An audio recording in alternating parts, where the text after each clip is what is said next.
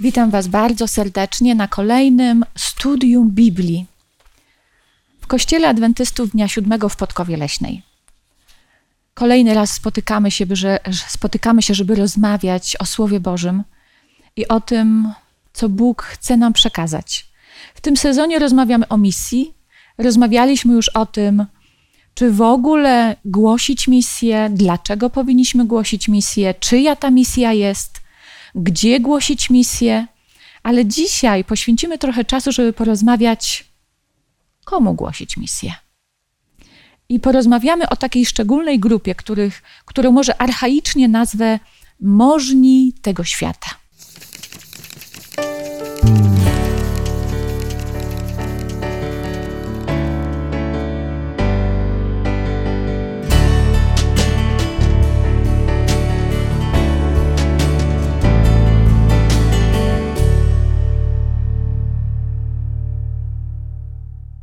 Dzisiaj razem ze mną w studiu jest Edyta, Ania, Waldemar, a ja mam na imię Małgorzata. I jak zwykle przed studium Biblii pomodlimy się. Zapraszam.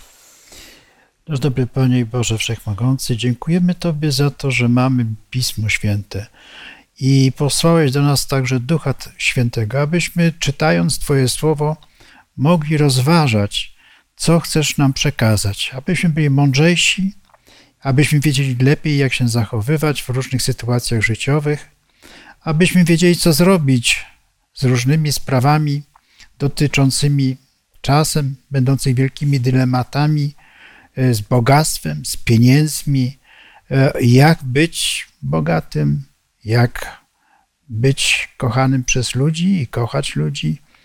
Chcielibyśmy zrozumieć wszystkie rzeczy, które są ważne po to, żeby nas nie ominęło Królestwo Boże, abyśmy kiedyś byli z naszym Panem Jezusem.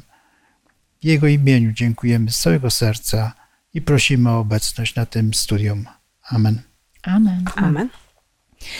Będziemy dzisiaj rozmawiać o y, głoszeniu Ewangelii, czyli mówieniu o Bogu możnym tego świata. No to jest takie, jak powiedziałam, trochę archaiczne może określenie, więc zaraz na, przy, na przykładzie kilku osób z Biblii porozmawiamy i zobaczymy, o kim możemy myśleć, mówiąc o możnych tego świata. E, ale może tak zacznę od takiego zdania. Nie wiem, czy spotkaliście się z kiedyś, kiedykolwiek z takim oświadczeniem, że religia jest dla głupców, albo religia jest dla biedoty. Ja jestem za mądry, ja jestem wykształcony i Boga nie ma, i Bóg jest mi do niczego niepotrzebny.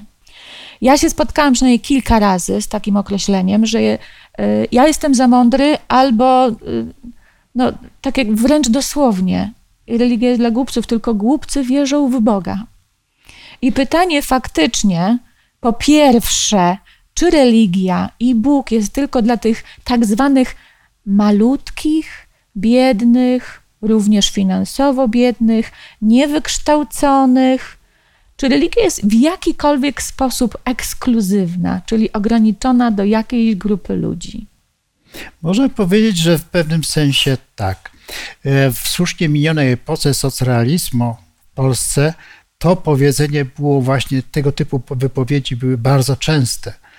I bardzo też wielu ludzi, niezależnie od tego, że e, dosyć religijne jest społeczeństwo polskie, to jednak miało swój oddźwięk w tym, jak e, ludzie postrzegali religię. Ja to znam z autopsji, prawda? Ale jeszcze mogę dać przykład taki ciekawy. E, gościliśmy w okresie e, trudności Ukrainy wielu uchodźców u nas. E, u nich ten problem nadal istnieje. Nie bardzo wiedzą, co zrobić ze swoim teraz życiem, kiedy mówi się o Bogu wszędzie. My mówimy o Bogu, a oni jeszcze nie mają wyrobionego zdania czy to w ogóle ma sens, czy nie ma sensu? Ale czy to, że ludzie odrzucają Boga, sprawia, że religia faktycznie jest ekskluzywna, że jest przeznaczona tylko dla y, określonych grup osób? To jest chyba tylko sprawa myślenia. Wracając jeszcze do tego Twojego pierwszego pytania, do której grupy, powin, y, która grupa jest zainteresowana sprawami religii, y, to y, miałam takie doświadczenie, że młodzi ludzie mówią, to nie do nas. Mhm. Jak będę w wieku mojej babci, to wtedy tak. Czyli ludzie jakby się sami y, skazują, kiedy im ta religia będzie potrzebna, nie znając jeszcze do końca swoich pobudek, swojego serca. Ja bym jeszcze dodała, że w każdym człowieku jest pierwiastek boski, że w każdym jest pragnienie szukania Boga, tylko czasami się przejawia w innych zakresie, czyli na przykład te osoby angażują się w jakieś działania społeczne mocno i gdzieś przejawiają w ten sposób swoją taką tę część duchową, czy też szukają e, tych wartości wiem, w kwestiach ekologicznych, czy jakichkolwiek innych. Natomiast pragnienie Boga jest w każdym człowieku, to jest wpisane w nasze serce, niezależnie od tego, czy e, zajmujemy się, nie wiem, sprzedażą e, czegoś na bazarze, czy zarządzamy wielką firmą, czy zasiadamy w parlamencie. Chcę dodać, że środowisko rodzinne i społeczne ma ogromny wpływ na to, w jaki sposób jesteśmy zainteresowani, czy byliśmy zainteresowani religią. Pamiętam swoje życie, prawda? Był okres, kiedy byłem w wczesnej młodości bardzo religijny, potem okazało się, że zupełnie od tego odszedłem, myśląc sobie, że to w ogóle jakieś są fanaberie. Potem potrzebowałem poszukać jednak e, jakoś prawdy i, i dzisiaj jestem akurat tutaj, prawda? Więc kilka etapów e, życia. I to, co ty mówisz o tym imperatywie jakimś wewnętrznym poszukiwania Boga, to jest jedna sprawa, ale środowisko ma wpływ na nasze zachowania mhm. i naszego stosunku do religii. Jest wiele rzeczy, które mają na to wpływ, ale może sprawdźmy, a co Bóg na ten temat myśli? Czy Bóg ma jakieś grupy szczególne, do których faktycznie chce dotrzeć ze swoją prawdą? Jakbym mogła prosić o przeczytanie tekstu z pierwszego listu do Tymoteusza, drugi rozdział, czwarty werset. Który chce, aby wszyscy ludzie byli zbawieni i doszli do poznania prawdy. Hmm, tu jest mowa o Bogu. Czy tu jest jakiś ekskluzywizm w podejściu Boga do nas? To jest nieograniczenie. Bóg w tym momencie przemawia, że każdy dla niego jest cennym. To tak więc jak chyba jak w rodzinie. Każde dziecko ma wartość dla rodzica. Przekona się o tym w momencie, gdy e, jest bardziej może chore, czy potrzebuje szczególnej troski, to takim może rodzice zajmują się bardziej. Albo widać to. Oni, to dziecko potrzebuje bardziej. I tak jak tutaj była mowa o różnych grupach, to może te, ci właśnie biedniejsi, ci w cudzysłowie głupcy, może właśnie bardziej potrzebują, dlatego widać to, że, że lgną do Boga. No właśnie, czy bardziej? Może sobie z tego bardziej zdają sprawę. Ale Boga, myślę, potrzebuje każdy. Przyjrzyjmy się kilku przykładom, kilku przykładom, które ja wręcz bym nazwała przypadków beznadziejnych. Takich, których z ludzkiego punktu widzenia, no ja bym do nich z Ewangelią chyba nie poszła bo bym z góry mogła założyć, że misja skazana jest na niepowodzenie. Ale Bóg, myślę, jak zobaczymy z tych przykładów, Bóg z nikogo nie rezygnuje. Pierwszym takim przykładem jest król Nebukadnezar, w niektórych Bibliach nazywany Nabuchodonozorem. I przeczytajmy może pierwszy tekst, żeby poznać Nebukadnezara. Kto to w ogóle był? Z księgi Daniela, czwarty rozdział, wersety 26 i 27. Gdy bowiem król Nabukadnezar po upływie dwunastu miesięcy przechadzał się po pałacu królewskim w Babilonie, odezwał się król i rzekł: Czy to nie jest ów wielki Babilon, który zbudowałem na siedzibę króla dzięki potężnej mojej mocy i dla uświetlenia mojej wspaniałości? Hmm. No właśnie, kim był król Nebukadnezar? Władcą. Pysznym władcą dużego imperium, jak na tamte czasy. Odleciał troszeczkę od rzeczywistości. Ale miał podstawy, żeby odlecieć od rzeczywistości? No tak, był tak bogaty, tak obstawiony, że już nic nie wiedział. Wiedział, że wszystko i wszyscy zawdzięczają jemu. On czuł się jak Bóg. Wszystko mu się udawało. W ziemskich realiach rzeczywiście był e, bardzo potężny. E, I to rzeczywiście była wielka pokusa, by stać się pysznym. No... Wypowiedział słowo i się spełniało. Tak. Według jego oczekiwań. No był jednym z chyba z najpotężniejszych królów y, mocarstwa neobabilońskiego. Z tego, co, co doczytałam, to chyba nawet najdłużej panował, bo panował około 35 lat, co było absolutnie niespotykane w tamtych czasach. Więc był potężnym władcą. Niczego mu nie brakowało. No i teraz pytanie, czy Bóg go tak w tej swojej pysze zostawił, czy próbował jednak coś z nim zrobić? Jak Bóg docierał do Nebukadnezara? Myślę, że Bóg dla każdego ma drogę, którą go musi poprowadzić. Czasami właśnie trzeba tą pychę e, przykrócić, czasami wystarczy ją lekko palcem pokazać, a tutaj chyba była moc dużo silniejsza, bo na wiele lat został odłączony od y, czynności, które wykonywał. No, powiedziałabym, że Pan Bóg użył takiej metody radykalnej, pozbawiając króla wszystkiego, co posiadał, łącznie z, chyba z tego można rozumieć, że też ze zdrowym rozsądkiem, bo się pogrążył w obłędzie po prostu i w jakimś szaleństwie. Został kompletnie wyłączony ze świata, który stworzył, został upokorzony i taka była jego droga do nawrócenia. Ale też jeszcze bym tutaj zwróciła uwagę na to, że otrzymał sen wcześniej, E, a także miał taką możliwość, że ten sen został mu wyłożony przez Daniela. Czyli myślę, że Bóg zadbał o niego pod każdym względem. Dając mu ten sen, dał mu jeszcze, zanim się zaczęło ten czas jego upokorzenia, dał mu też taką nadzieję, że jednak nie musi się ta cała sytuacja trudna dla niego skończyć źle. No my nie czytamy tutaj całego rozdziału czwartego. Jeżeli ktoś z Państwa nie zna, zapraszam do zapoznania się z całym rozdziałem czwartym, wręcz zapoznaniu się z całą księgą Daniela, żeby poznać gruntownie historię króla Nebukadnezara. My tutaj jesteśmy w tym etapie, w czwartym rozdziale, sen o drzewie, faktycznie dostał sen, gdzie było zapowiedziane wręcz, jeżeli urośnie w tą pychę, co było zapowiedziane, że tak się stanie, to Bóg go w jakiś sposób doświadczy, żeby go uratować. Ale jesteśmy w czwartym rozdziale, a do Daniela, y, do, przepraszam, do Nebukadnezara Bóg przychodził wiele razy. Jakbyśmy, jakbyście chcieli tak podsumować od początku, jak znamy historię Nebukadnezara z księgi Daniela, jakie kroki po kolei Bóg e, podjął, żeby do tego Nebukadnezara dotrzeć.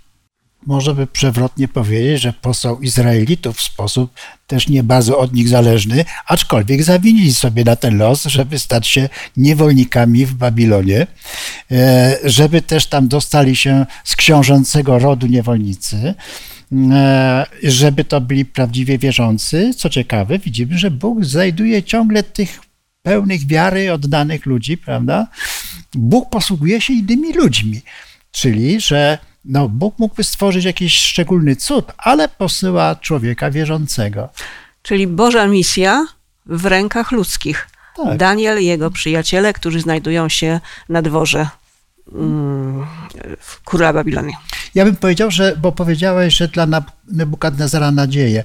Y, nie sądzę, żeby on jakąś nadzieję y, miał, tylko szansę miał. On miał szansę, z której nie skorzystał, bo minął rok czasu i to, co już czytaliśmy, chwalił się tym, jaki on jest potężny. Tu rosła ta jego pycha i w tym momencie został ukarany.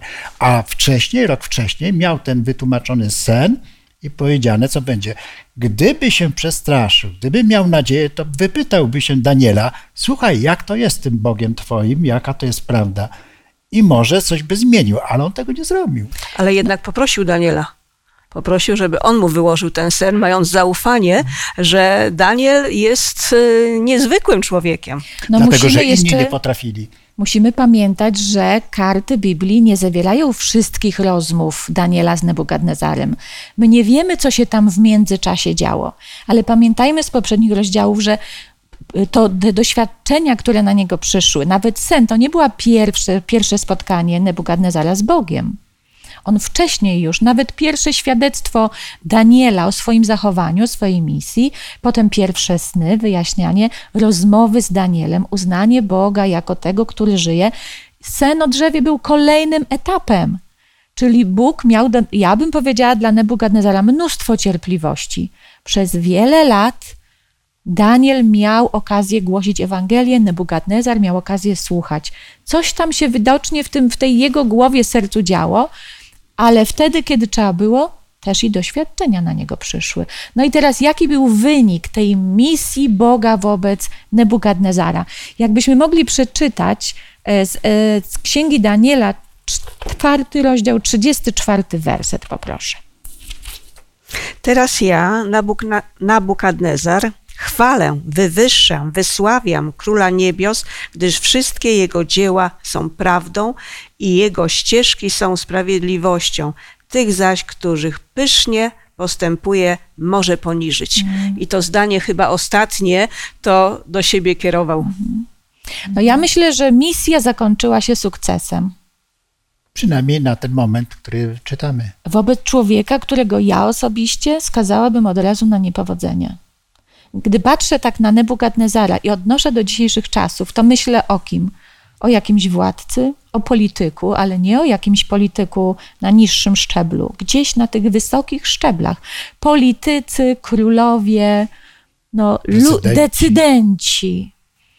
Czyli Bóg ma do nich drogę. To patrząc na tą historię, jakbyście chcieli poradzić, pomyśleć dla siebie i poradzić dla naszych słuchaczy, w jaki sposób docierać z Ewangelią właśnie do takich osób, do polityków i ludzi u władzy. To, co powiedziałaś, jedną z cech to jest cierpliwość do tych osób. Nie od razu spodziewajmy się dużych zmian. Małymi kroczkami. Ja bym dodała odwagę, bo czasami też tak myślimy, że jak to tak pójść do takiej osoby znanej i zacząć z nią rozmawiać o Bogu. Być może jest e, w ogóle niewierząca albo jest w innym kościele, co czasami też wyraża poprzez e, uczestnictwo na przykład w jakichś uroczystościach państwowych, które mają tę oprawę kościelną. Myślę, że trzeba mieć odwagę mówienia o Bogu każdemu. Także jak powiedziałaś, możnym tego świata, czyli również wpływowym politykom, a może przede wszystkim im, dlatego że w ich rękach w jakiejś mierze spoczywają nasze losy. No a po historii Nebukadnezara możemy się nauczyć, że oni też mają otwarte serca na Boga. Ale zwróćmy uwagę, że y, w tym momencie narzędziem Bożym jest też książę izraelski. Chociaż jest w niewoli, ale pozycję szlachecką ma, wysoką pozycję, pełnił tam pozycję doradcy mm, i nie tylko, y, więc y, miał pozycję i miał dojście. Więc tutaj Bóg wykorzystuje. Prawdopodobnie ktoś z ulicy by tam nie przyszedł, nie zostałby dopuszczony. To musi być taka sytuacja, kiedy się spotykają na wysokim szczeblu, wysokiej rangi osoby. A ja bym Boga nie ograniczała. No, w myślę, że możliwościach. Tym Oczywiście. bardziej, że Daniel wiele razy był nazwany przez, e, przez różnych królów o ten uchodźca z Izraela. On wcale nie był postrzegany jako osoba na stanowisku, a przynajmniej nie zawsze, nie w każdej chwili. Więc ja bym Boga nie ograniczała. Myślę, że jak ktoś z nas ma chęć, odwagę, otwarte serce i z modlitwą na ustach jest w stanie dotrzeć do takich, do każdych osób. Natomiast e, Waldemar, bardzo ważne powiedziałeś, na pewno jest łatwiej osobie, która umie się w tych kręgach poruszać, bo to jest ten wspólny język, wspólna platforma, znajomość tej drugiej osoby. To też jest ważne. Ale przejdźmy już do kolejnej grupy. Wiesz, która- Małgosiu, ja jeszcze bym chciała coś powiedzieć. Proszę. W tym momencie e, sytuacja, w której znalazł się Daniel i jego przyjaciele, a w ogóle e, Izraelici w niewoli, to było coś, co mogło spowodować dotarcie. Więc sytuacji beznadziejnej, w której oni się znajda- znaleźli, było otwarcie drogi dla władcy. Gdyby nie Daniel, który tam był, gdyby nie umiejętności, w które wyposażył go Bóg, Także to ta nieograniczona y, moc Boża i działania. Dokładnie, to jest bardzo ważna myśl. Jeżeli Bóg stawia nam na drodze jakąś okazję do głoszenia Ewangelii, po prostu jej nie marnujmy. Nawet jeżeli okazja nas mocno zaskoczy, jak na przykład postawi jakiegoś znanego polityka na naszej drodze, a są różne sytuacje. Ale przejdźmy do drugiej grupy, na przykładzie Naamana. Ja go nazwałam y, już tak skrótowo: dowódca, wróg, obcokrajowiec. No niezbyt dobrze brzmi. Kim był Naaman? Przeczytajmy krótki tekst drugiej Księgi Królewskiej, piąty rozdział, pierwszy i drugi werset.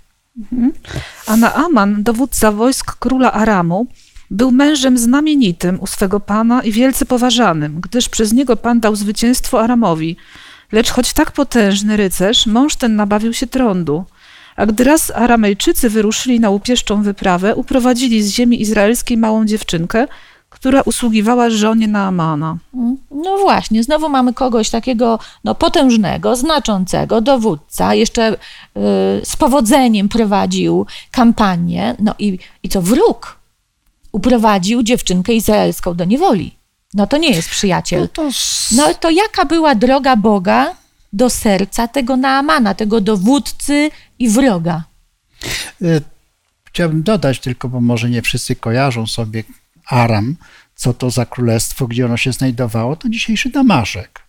To jest północna e, granica Izraela, a więc tam się rozciągało na część turecką troszeczkę, troszeczkę na część syryjską, a więc w tym miejscu. Ale musimy sobie też wiedzieć i zdawać sprawę z tego, że król Salomon miał bardzo dobre stosunki także w swoim czasie z Damaszkiem. Ale może już przejdźmy do tego, Tak. do Zmieniło drogi się. Boga, do Naamana. Do Naamana. Jak Bóg szedł do Naamana, do jego serca? Bo to jest bardzo ciekawe. No, przez niewolnicę. I mamy drugi przypadek już nie dorosłej osoby, tylko dziewczynki, która wyniosła to z domu.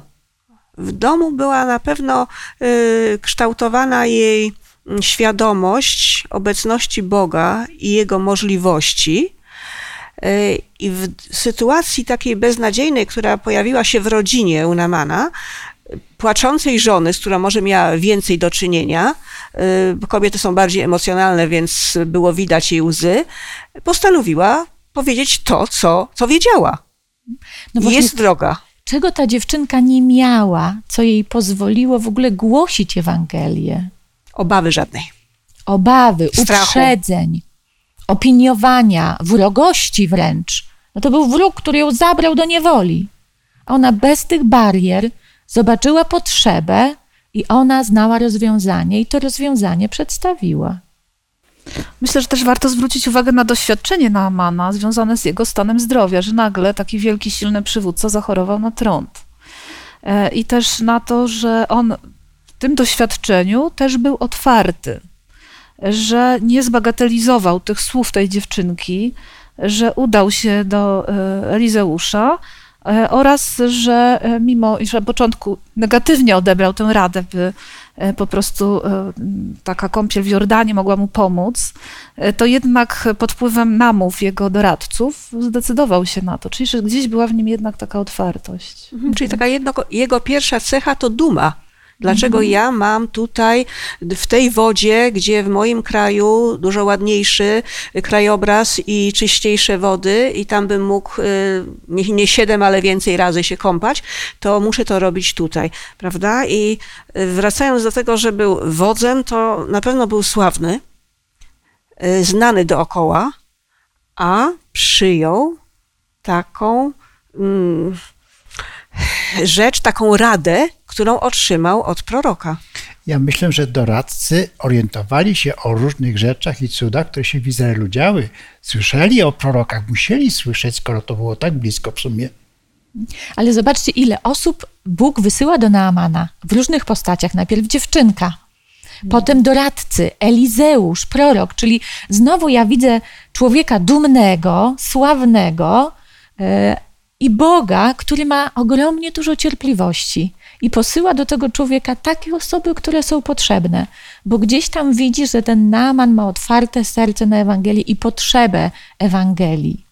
Znowu patrząc na Naamana, jak wiecie, nazwałam go y, dowódca, wróg, a nawet tutaj, jakbyśmy mogli powiedzieć, mamy taką grupę społeczną przywódcy wrogich państw albo wodzowie wrogich państw. To z tej historii, znowu, może to będzie trochę powtarzanie, ale chciałabym, żeby to wybrzmiało. To jak powinniśmy głosić im Ewangelię i czy w ogóle powinniśmy głosić im Ewangelię przywódcy wrogich państw albo wrogich ugrupowań. Myślę, że zawsze powinniśmy być konsekwentni w głoszeniu Ewangelii, niezależnie od tego, z kim mamy do czynienia i też swoją postawą udowadniać, e, że jak, jak jest działanie Boże. Bo czasami czyjaś niezłomność też może być e, dowodem dla takiego przywódcy, że coś jest na rzeczy. Ten werset z listu do Tymoteusza można za każdym razem powtarzać. Y, Jezus ofiarował za grzechy nie jednej osoby swoje życie, ale całego świata. To jest jedna rzecz. I druga rzecz, że y, wszyscy, mm, wszyscy ludzie, aby doszli do poznania prawdy, bo taka jest misja Boga. Ja bym do tego jeszcze dodała bez żadnych uprzedzeń, bez żadnych opinii i zawsze być gotowym do wyświadczenia jakiejś dobrej rzeczy. Bo dziewczynka tak naprawdę zaczęła od pomocy w, w uzdrawianiu. To było jej sposób na głoszenie Ewangelii. Dobrze, przejdźmy do kolejnej grupy. Mam może doświadczenie, króciutkie tylko, tak? Jechałem pociągiem nocnym przez kilka ładnych godzin i na korytarzu w pierwszej klasie miałem miejsce siedzące na korytarzu przed moim przedziałem stał człowiek, bardzo taki nerwowy, zmęczony, bardzo dziwnie się zachowywał, ale stał przy oknie, zaglądał oknie, czasem chodził, kręcił się, był bardzo niespokojny. Wyszedłem więc na mm, ten korytarz, stanąłem też przy oknie, a po chwili y, zapytałem się go, czy może chce usiąść, odpocząć, bo może miejsca nie ma trochę taki zdziwiony, powiedział, nie, nie, nie, mówi, ja nie chcę usiąść, nie? I zaczęliśmy rozmawiać. Okazało się, że jest żołnierzem, oficerem, który służył w wojsku na misjach zagranicznych i miał problem duchowy. To powtórzę znowu, jeżeli Bóg stawia nam okazję do dzielenia się Ewangelią w najróżniejszy sposób, zawsze się podzielić, nie patrząc na to, kto przed nami stoi stoi osoba, która potrzebuje Boga. Każdy z nas Boga potrzebuje. Przejdźmy do kolejnej grupy. Postać Nikodema. Zaraz jeszcze przeczytamy, kim był Nikodem. Ja sobie go tak nazwałam. Uczony, naukowiec, ksiądz. Przynajmniej Jesteśmy teolog. kości- Tak, teolog. Jesteśmy w kościele protestanckim. To może być ksiądz, to może być pastor innego kościoła, to może być przywódca innej religii. Tak ogólnie nazwałam. To przeczytajmy, kim był Nikodem z Ewangelii Jana, trzeci rozdział i pierwszy werset. A był człowiek z faryzeuszów imieniem Nikodem, dostojnik żydowski. Należał Wysoko na pewno do postawiony. starszyzny Izraela. Człowiek, który powinien znać Jezusa. a Wiedzieć, kto to jest, wątpliwości. Słuchać go, y, znał Torę przecież. Więc mógł się wszystkiego tam dowiedzieć. I może dlatego był taki niespokojny, bo jeżeli przyszedł do Pana Jezusa, to jego, jaki był jego problem? Czy on będzie zbawiony? No to był problem Nikodema. I Pan Jezus nawet nie wdawał się w dyskusję z nim, tylko od razu powiedział, co trzeba zrobić. No. Do mnie jakoś szczególnie przemawia przypadek Nikodema, dlatego że on przyszedł do Jezusa nocą, czyli tak jakby nie chciał pokazać innym, że on jest zainteresowany tym, co Jezus może mu powiedzieć. I czyż nie mamy z tym do czynienia na co dzień? Może nie dosłownie, że ktoś tutaj nocą się skrada, natomiast często mamy do czynienia z osobami publicznymi, które z rozmaitych powodów nie chcą być widziane, na przykład w różnych miejscach, czy przynajmniej na początku. E, I tak jak Nikodem, troszeczkę przyglądają się z boku i przychodzą nocą. I my powinniśmy też nocą ich przyjąć i z nimi rozmawiać, e, dać im, powiedzieć im to, co powiedział Jezus Nikodemowi, że trzeba się narodzić na nowo. Czyli w pewnym sensie konsekwentnie głosić Słowo Boże, niezależnie od tego, z kim mamy do czynienia, i nie zrażać się tym, że ta osoba się na początku na przykład obawia, wstydzi, gdzieś skrada z boku. Bo jak widać po przykładzie Nikodema, e, ta rozmowa z Jezusem przyniosła owoc, gdyż on później przed innymi faryzeuszami bronił Jezusa, a później jest mowa również o tym, że po śmierci Jezusa oddał mu szacunek, czyli że się nawrócił. Ja jeszcze wrócę do tego pierwszego kontaktu Nikodema z Jezusem, znaczy pierwszego zanotowanego w Biblii, bo my nie wiemy, co się poza tym. Zobaczcie, że Jezus dokładnie wiedział, czego Nikodem potrzebuje. Tam, jak e, Waldemar powiedziałeś, czy Ania, tam nie było jakiejś takiej rozmowy, e, powiedziałabym, no nie wiem, o różnych rzeczach. Jezus od razu wiedział. Konkrety wszedł. Konkrety, tak, ale Nikodem też konkretnie się zapytał. Przeczytajmy, jeszcze przypomnijmy sobie te teksty z Ewangelii Jana, trzeci rozdział, trzeci werset i dziewiąty. Odpowiadając, Jezus rzekł mu: Zaprawdę, zaprawdę powiadam ci, jeśli się kto nie narodzi na nowo, nie może ujrzeć Królestwa Bożego. Odpowiedział Nikodem i rzekł do niego: Jakże to się stać może? I tutaj mam wrażenie, że ta, to, to pytanie e, złagodziło jego podejście, takie ostre na początku. No co ty mi będziesz mówił o takich głupotach, jak, jak może się na nowo narodzić? I dopiero tu, kiedy Jezus wyjaśnia, kiedy mówi o wietrze, czy, czy wiesz, co jest przyczyną, że on wieje, tylko widzisz skutki. I dalej Nikodem łagodnieje. Zobaczcie, że tu jest jeszcze jedna ciekawa rzecz, że Jezus tak jakby zdaje się nie, nie przywiązywać wagi do postawy Nikodema, bo wie, że to są tylko pozory. Że Nikodem być może właśnie jako dumny faryzeusz, on, on przyszedł do niewykształconego cieśli. I na początku czuł się taki dumny, ale Jezus popatrzył tam do środka, w serducho, w tą potrzebę i nie obraził się za to, jak Nikodem go potraktował. On po prostu zaadresował potrzebę Nikodema. I to jest, myślę, też piękna lekcja dla nas. Jeżeli ktokolwiek nas traktuje z góry, nie zwracajmy na to uwagi w ogóle. Patrzmy na tego człowieka również jak na, jak na człowieka, który potrzebuje Boga. I myślę, że to nam bardzo ułatwi też y, głoszenie tej Ewangelii, ratowanie ludzi, bo przecież o to nam chodzi uratować ludzi do życia wiecznego. No, chciałbym dodać, że mimo to, że był teologiem, że tak był światłą osobą, to jednak miał wątpliwości, bo po co przyszedł? No bo miał wątpliwości. I możemy sobie zdawać też sprawę, że wielu duchownych osób w wielu różnych denominacjach może mieć poważne problemy. To, że wykładają, są y, prowadzącymi y, grupy ludzi i tak dalej, ale sami do końca mogą nie mieć pewności. To ja może powtórzę pytanie w innej formie, ale to już, które dwa razy zadawałam. W jaki sposób mamy głosić Ewangelię właśnie takim ludziom jak Nikodem, przywódcom innych kościołów? Y, Pan Jezus zadaje jemu pytanie i tymi pytaniami naprowadza go na właściwy sposób myślenia, otwiera ich rozum. Są inteligentni, wykorzystuje ich inteligencję poprzez zadawanie pytań. Jak to ty, taki, taki taki wierzący, taki wiedzący, taka postać i ty nie wiesz. Ale bez ironii. Bez, bez ironii. ironii. Ale powinieneś wiedzieć. A mhm. potem dopiero podaje wyjaśnienie rozumienia. Nie zmuszajmy do podjęcia szybkich decyzji. Mhm. Zostawmy czas Bogu na działania. Zajmijmy się tylko tą pierwszą, e, pierwszą pozycją. Przekażmy wieści o Chrystusie, a On będzie robił dalej. No tu jest sytuacja, kiedy potrzebujący przychodzi, to my nie możemy zlekceważyć. To już jest dla nas e, sygnał, że musimy potraktować to w taki sposób, żeby odszedł usatysfakcjonowany. Nakarmiony. Mhm. Nakarmiony. Nakarmiony. Nikodem myślał tak po prostu po ludzku, w kategoriach ziemskich, a Bóg go przestawiał na to, co jest duchowe.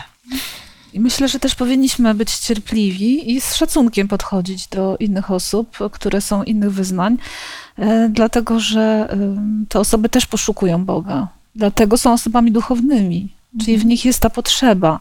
I teraz, jeżeli będziemy próbowali im coś narzucać, to wylejemy dziecko z kąpielą. Po prostu te osoby no, odwrócą się od nas.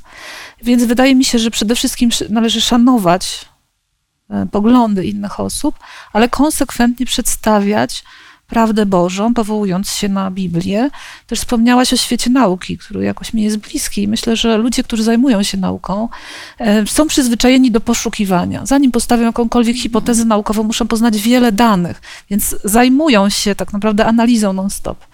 E, I teraz my możemy tę ich umiejętność w jakimś sensie wykorzystać, pokazując im Słowo Boże. I, i ufać należy, że taka analiza Słowa Bożego doprowadzi ich do takich, a nie innych wniosków, czyli że tu jest zawarta prawda. Bardzo cenne rady. Przejdźmy do, do kolejnej grupy, bo jeszcze mamy dwie małe grupki do omówienia. Zacheusz. Ja go nazwałam bogacz i oszust, czyli bogacz, który w nieuczciwy sposób doszedł do swojego bogactwa. Kim był Zacheusz?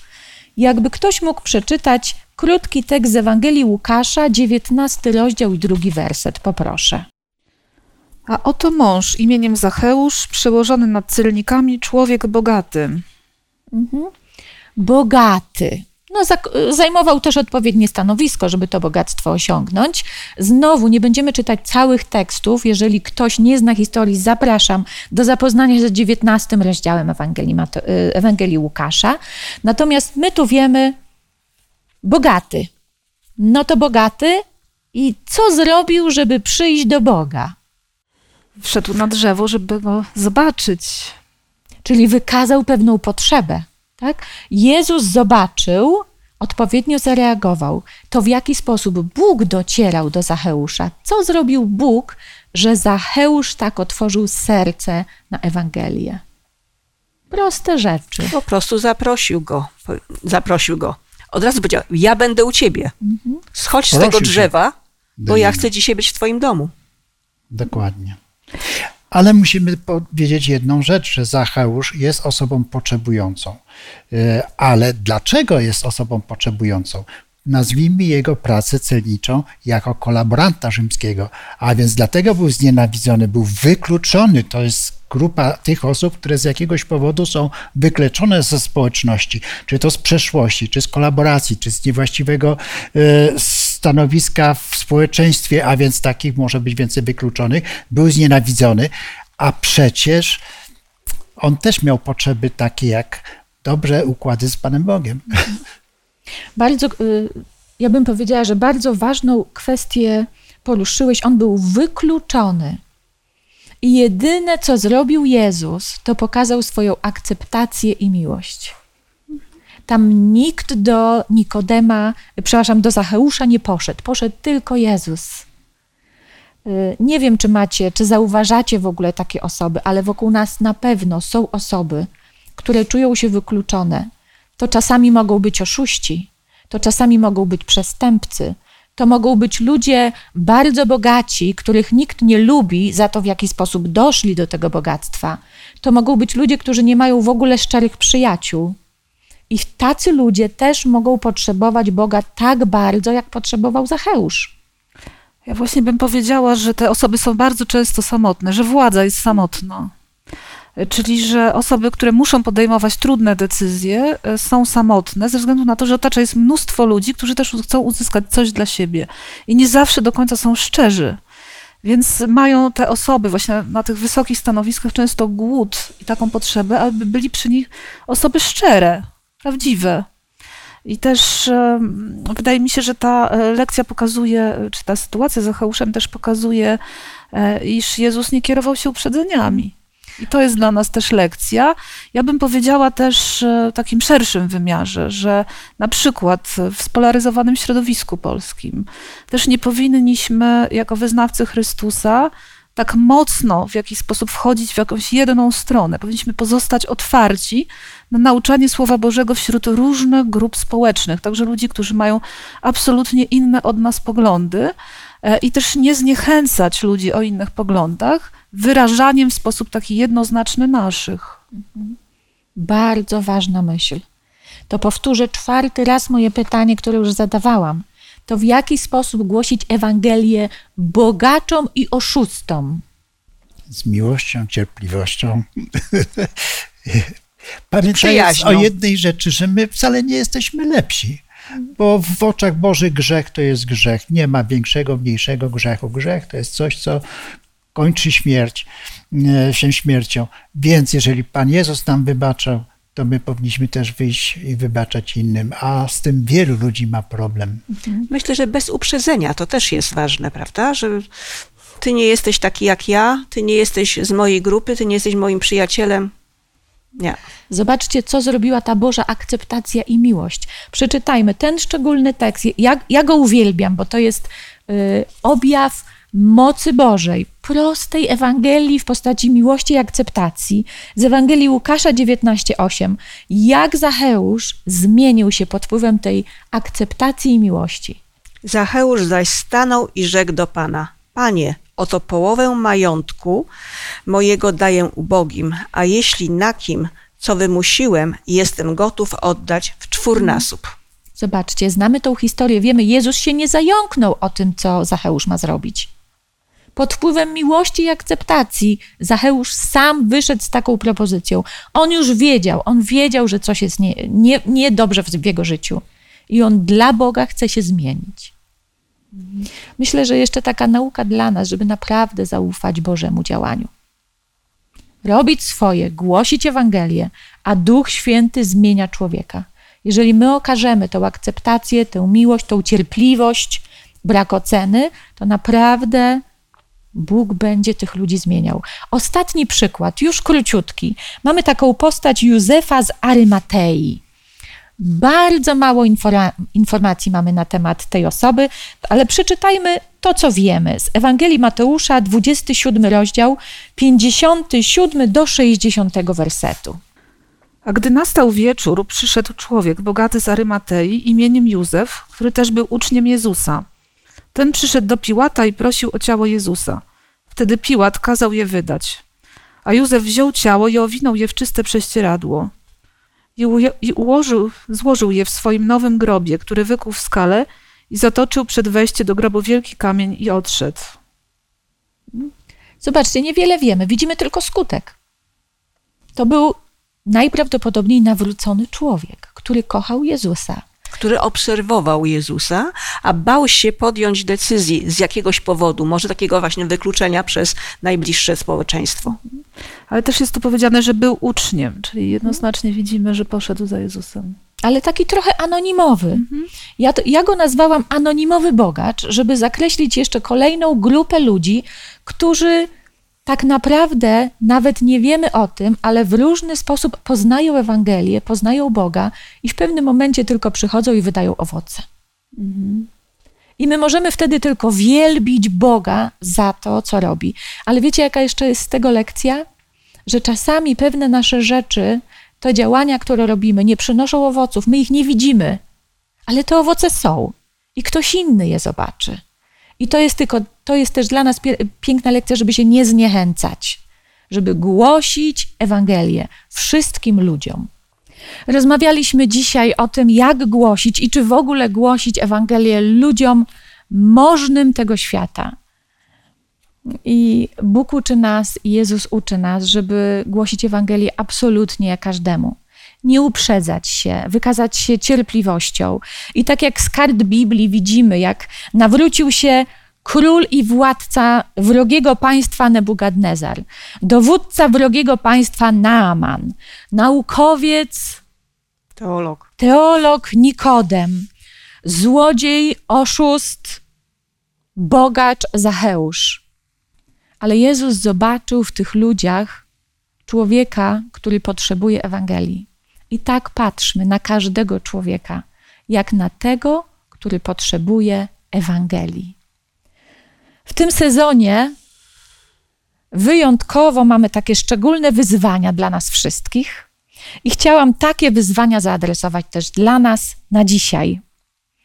Do listy osób, do których się modlisz, dodaj jedną osobę, która, którą gdzieś znasz z kręgów politycznych, kręgów władzy. Dodaj do tej listy i módl się za tę osobę. I druga rzecz, drugie wyzwanie. Wyślij SMS-a albo maila, albo informację na Messengerze do jakiejś osoby takiej właśnie u władzy z informacją, że się o nią modlisz. To może być jedna i ta sama osoba. Takie dwa wyzwania na dzisiaj. Zachęcam Was wszystkich do tego, żeby te wyzwania podjąć. Na dzisiaj kończymy, ale również i na koniec chcielibyśmy Bogu podziękować za Jego ogromną miłość i cierpliwość do nas i również za tę dyskusję. Aniu, poproszę. Ukochany nasz Boże, nasz nauczycielu, wielu, wiele spraw, wiele aspektów poruszyliśmy dzisiaj, ale to nie tylko, aby powtórzyć historie zapisane na kartach Słowa Bożego, ale żeby dostrzec drugiego człowieka. Prosimy Ciebie, otwórz nasze oczy, abyśmy widzieli, abyśmy dostrzegali, a nie izolowali się, abyśmy Twoją cierpliwością zarażali innych w działaniu takim misyjnym. Proszę, prowadź nas do takich osób, bo potrzebują Ciebie. Jeżeli nawet nie będziemy widzieli wzrostu dzisiaj, to zobaczą go inni. Wierzymy, że tak jak przyszedłeś i oddałeś życie za każdego człowieka, również i ta grupa, o których dzisiaj wspominaliśmy, o możnych tego świata, jest Tobie szczególnie bliska. Dziękujemy za dzisiejsze studium. Błogosław naszych odbiorców, ażeby pozostali z tymi myślami, ażeby mogli pogłębiać wiedzę, czytając fragmenty z księgi Daniela, Łukasza czy Mateusza. W imieniu Pana naszego Jezusa Chrystusa dziękuję za to studium i za Ciebie, Panie, który takich zmian, rob, takie zmiany czynisz w naszym życiu. Amen. Amen. Amen. Kończymy dzisiejsze studium, ale to nie koniec. Zapraszam na kolejne. Na kolejnym nadal będziemy rozmawiać o misji, tym razem o misji wśród osób, które nie słyszały Ewangelii. Zapraszam serdecznie.